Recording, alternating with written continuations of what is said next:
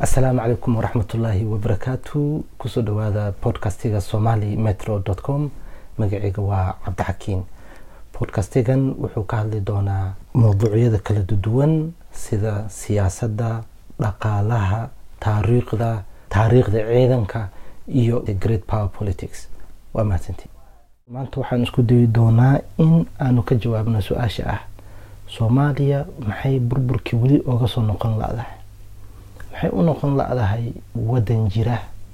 Sida hadda social media aada ku aragteen badanaa wadanka waxaa loo barbardhigaa wadankan ruwanda marka haddaba si cilmiyeysan ayaan rabaa inaan oga jawaabno sababta ruwandana muddo kooban inta anagu qalalaasaha iyo buuqa aan ku dhex jirnay in ay iyadu noqoto wadan africa hogaamiya. Dhinac badan ba hadeertaan haddii dhaqaalaha laga hadlo haddii laga hadlo dhinaca social structureka waxyaabo badan ayaa hadda africa ayay ku hogaamisaa. Marka soomaaliya sidaasoo kaleeto waa inaanu ka jawaabnaa su'aashaan sababtoo ah sida beso anaga aan ku fahmi karno caqabadahana haysto waa in daraasaadkaas asamina hadduu ilaah yiraahdo marka waxaan filayaa inaan si fiican ooga jawaabno. Marka su'aashaan ah soomaaliya maxay burburka ooga soo noqon la-dahay? Aniga waxaan dhihi lahaa faktarada ama sababaha waa badan yihiin. Laakiin inta ugu muhiimsana waxay tahay kow soomaaliya oo ku taala meel juqraafi ahaan ama geopolitical ahaan meel aada iyo aada istraatiijig u ah oo wadamo badan ay interest ka leeyihiin. Labo soomaaliya oo daris iyada hadda ka awood badan ay ku hareereysan yihiin.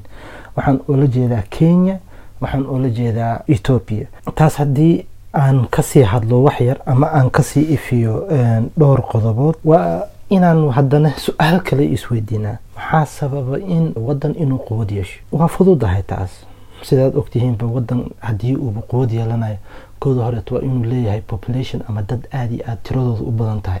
Saaad ogtihiin kenya iyo soomaaliya tiro ahaan haddii la dhaho waa naga tiro badan yihiin. Ayagu waa konton iyo shan milyan iyo xoogaa dad a wahay haddii etoobiya la aadana waaba ka sii daran tahayba waayo waa boqol iyo labaatan milyan waay populationka etoobiya. Ciidan ahaan haddii la dhaho etoobiya iyo soomaaliya ma lays barbardhigi karo aada iyo aada inoogu quwad badan yihiin. Sidoo kale kenya iyo soomaaliya la isma barbardhigi karo. Taas marka maxay ku tusinaysaa in soomaaliya unfortunately ama nasiib daro in daris aada u quwad badan naga xoolo badan dhaqaale ahaan economically militarily naga xoog badan ayaa labada dhinacba naga jooga. Marka taas maxay sababta soomaaliya saaad ogtiin taariikhda haddii gadaal loo noqdo xilli waa jirta ka dhaqaalo badneen aan ka quwad badneen runtiina east africa soomaaliya ayaa number one ahayd ama soomaaliya ahayd hegemonka ama wadanka ugu awood badan areada marka soomaaliyadaasoo laga baqayo kooda horeeto ay soo noqoto iyo haddana fursad loo helay burburkii iyo qabaa-iladiio laga faa-iideystay sababtoo ah hadda saaad ogtihiin kenya influencekay sameynayso maxaa waaye? Waa influence oo dhinaca qabiilka ay isticmaalayso. Soomaaliyana dee badanaa meel kalaba lagama soo galo qabiilkana laga soo galaa midaana waa mid ku salaysan taariikhda guumeystaha oo ah dadka walaalaha waa inaad kala qeybisaa si aad u xukuntaa marka caqabadaha koowaad waa aanu sheegnay soomaaliya oo ku taalo meel istraatiijig ah labo siyaasadda ama geopolitically daris hostile ah ama daris cadow ah. Danahooda ay ka arkeen inay tahay annaga inaan weli burburka ku sii jirno ayagiioo naga awood badanoo fursad u helay inay naga awood bataan ayaa nagu hareereysan taas marka maxaa noo sii dheer qolo la yidhaahdo international community oo naga le interestyo gooni ah. Su'aasheeni koowaad haddaa ku noqono soomaaliya weli burburka maxay ooga soo laaban la-dahay? Waxaan filayaa hadeertaan jawaabta si fiicanaan ooga jawaabnay laakiin hadda dhinacan ruwanda marka aan tagno. Ko ruwanda markii ay dagaalka uu dhacay dagaalkan tutsiga iyo hutuga muxuu ahaa dagaal aada iyo aada u qaraar waa almost sida midka anaga nagu dhaco kaleeto sababtaa midka anaga nagu dhacay civil war waha ayagana kooda civil war wa qaa-ilada isdagaalay marka hal qabiilkan tutsiga ama ninkan kagame iyo kooxdiisa markii ay meesha qabsadeen maxay isku dayeen inay sameeyaan nation building ama wadanka inay gadaal u dhisaan annaga marka soomaali ahaan markii ay dowladii jirtay la burburiyey markii la rabay jabhadihii inay wax dhisaan waxba lama dhisin ayagiyaa isa sii qaqabsaday ayagiyaa isa sii dadagaalay marka. Marka marka jabhadaheeniya maxay sii sameeyeen jabhado kaloo cusub inay furaan ama cadowgii uu sii bilowda marka dhinacan ruwanda ayaga dhibaatadaas ma qabin. Nimankan markay qabsadeen waxa koowaada ee sameeyeen waxay ahayd dadka geystay xasuuqa inay raadsadaan oo ay maxkamadeeyaan cadaaladu ay horkeenaan annaga dhinacana soomaalida weli kuwii wax laayay ilaa iyo hadeertaan xildhibaanan yihiin badankood. Cid u tegi kartana male ama accountability cid ka qaadi karta male sababto qabiilkiia hortaagan midda kaloo jirtaa waxay tahay ruwanda sida annaga aan horey aanu u sheegnay meel lahaa daris ayaga ka talinaya burburkooda. Bal e dariska sida hadda uganda oo kaleeto waxay rabtay ruwanda inay noqoto wadan degan saad ogtii kaan hadda meesha madaxweynaha ka ah muxuu ahaa cornel ciidamada sirdoonka uganda koodiisa hore intii uusan dagaalkan oo dagaalka ruwanda dhexdeeda ah intuusan bilaabin oo hutuga iyo tutsiga ah. Marka dhinacan kalena ruwanda oo dhinaca galbeedka ah waxaa ka jira congo. Congo iyadan naftirkeeda civil war ama dagaal sokeeya ka dhex socday oo nabad ahayn. Marka ruwanda meesha ay ku taalo geopolitically ma aysan qabin challengeka ee caqabadahan annaga haddana hortaagan oo ah kenya iyo ethoobia iyo international communityga maxaa bilowday? Marka soomaaliya hadda waa federal member states. Adigu jabhadihii ee dowlad hore riday unbaa kala googoostay degaanadii qabiilada uu degi jiray. Marka iyadoo xoogaa la xalaaleeyo oo la yiri waa federal system. Laakiin wax federal la dhaho ma jiro sababtoo ah saad ogtihiin federal member state kasto ama state kastaba muxuu leeyahay baarlamaankiisa muxuu leeyahay ciidamadiisa muxuu leeyahay wasiiradiisa. Calan bay leeyihiin madaxweyne leeyihiin. Yani maxay u behave gareeyaan xuduuday leeyihiin xitaa. Marka maxay u behave gareeyaan ama u dhaqmaan sida inay yihiin? State ama wadan madax banaano. Taasaa sababaysa inaad aragtaan in stateyadan inay la kulmaan madaxweyneyaalkooda localka inay la kulmaan madaxweyneyaal kaleeto caalami ah inay heshiisyo la galaan shirkado shisheeye. Marka taas maxay ku tusinaysaa in weli aanu sidii qabiiladii la isku dagaalay aan weli sidii weli loo kala joogaa. Taas haddii aan ka gudubno dhinacan ruwanda imaano ruwanda waxaasoo dhan ma jirto. Ruwanda hal dowladay leedahay bes waa hal dowlad.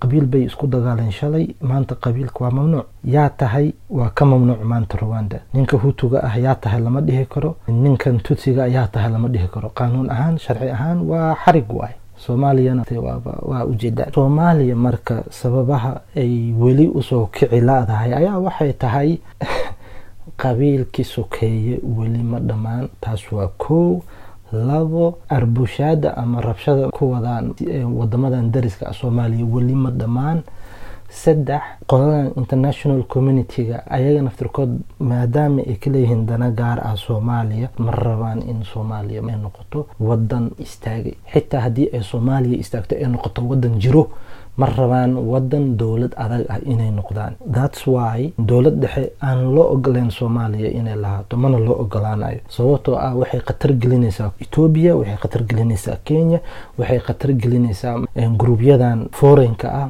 oo ka leh soomaaliya dana badan.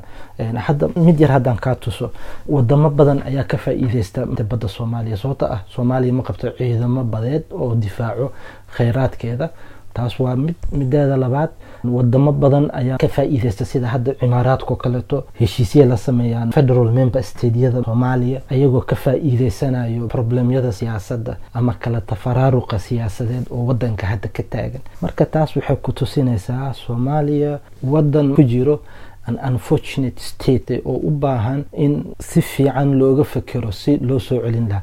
Laakiin taasay ku dhacaysaa taas kuma dhaceyso in weli qabaa-ilo loo kala taagnaado oo waa unday qabaa-ilo la sharciyey sidaad had ujeedaan oo ku saleysan ama dabada ku haya jabhadihii shalay riday dowladii dhexe oo rejiimkii hore oo maxamed saad bare marka walaalayaal saas waa inaad u fahantaan. Ma aha un inaad u fahantaan soomaaliya dhibka hadda ka jiro inay tahay soomaali heshiin weysay. Maya soomaalida waa heshiiyeen mar hore laakiin dadka aan heshiinina waxay yihiin dadka soomaalida horjoogayaalka u ah ama eliidka qoladan la yiraahdo oo ha ahaato dhinaca businesska ha ahaato boy mideeda kale qolo the business community oo soomaaliya ama qoladan tujaarta ayaga naftirkood ma rabaan in soomaaliya nabad noqoto sababtoo ah soomaaliya oo nabad ah ayaga dan uguma jirto canshuur. Hadda canshuur la'aanay wax kasta keensadaan. Beritoola qaanuuna imaanayo hor istaagayo waxaan ay wadanka soo gelinayaan.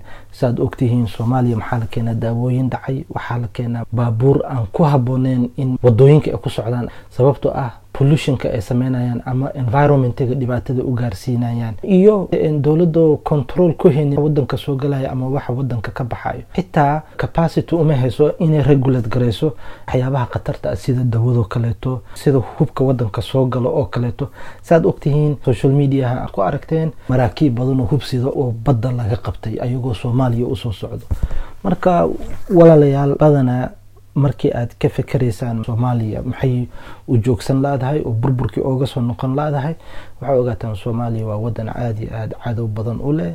Cadowgana muxuu ka faa-iidayaa anaga cuqdada aan isku yara ka qabna oo ah reer hebel iyo reer hebel. Iyo dee nimankan eliidka ah oo aan ahayn dad u biseelsan ama dad aan fahansaneen siyaasadda ama aanba ahaynba dad rabo inuu wadanka dogo ama aanba ahaynba dad cadaalad iyo wadaninimo ee ka muuqato. Marka walaalayaal bal waxaad arkaysaan soomaali badan eliidkooda ama qoladan muxuu ahatay siyaasiyiinta markii ay imaanayaan ay qudbeenayaan waxay ku hadlayaan waxyaabo la yaabayso ninaa wasiir soo noqdoo kaleeto ama baarlamaanku ku jira muxuuna kuleeyahay wasaarad difaac soomaaliya uma baahna. Hadda soomaaliya hadda wasaarad difaac lahayn taas maxay micneynaysaa waa soomaaliya. Ciidan lahayn. Taasna pointa kaleeta ayay igu ridaysaa. Ogaada soomaaliya waxa ay la dagaalaysaa argagixiso argagixiso aada iyo aada muxuu ahayta ummadda u leysay argagixiso aada iyo aada wadamo badan saameynayso sida wadamadan jaarka ah sida kenya kale saameynaysaa. Marka argagixisadaas xitaa soomaaliya waxay kula dagaalanta ma hayso sababtoo ah waxaa saaran embargo oo dhinaca hubka soomaaliya ma soo iibsan karto hub ay isku difaacdo sababtoo ah ma la rabo soomaaliya xoogeysata. Marka dhibaatooyin badan ayaa wadanka ka jira laakiin si loo fahmo ama si looga jawaabo su'aashan ah soomaaliya maxay la degi la-dahay? Maxaad ogaataan intii aan soo sheegnay oo dhan marka la isku geeyo? Runtii aada iyo aaday u adag tahay in wadankan uu soo noqdo.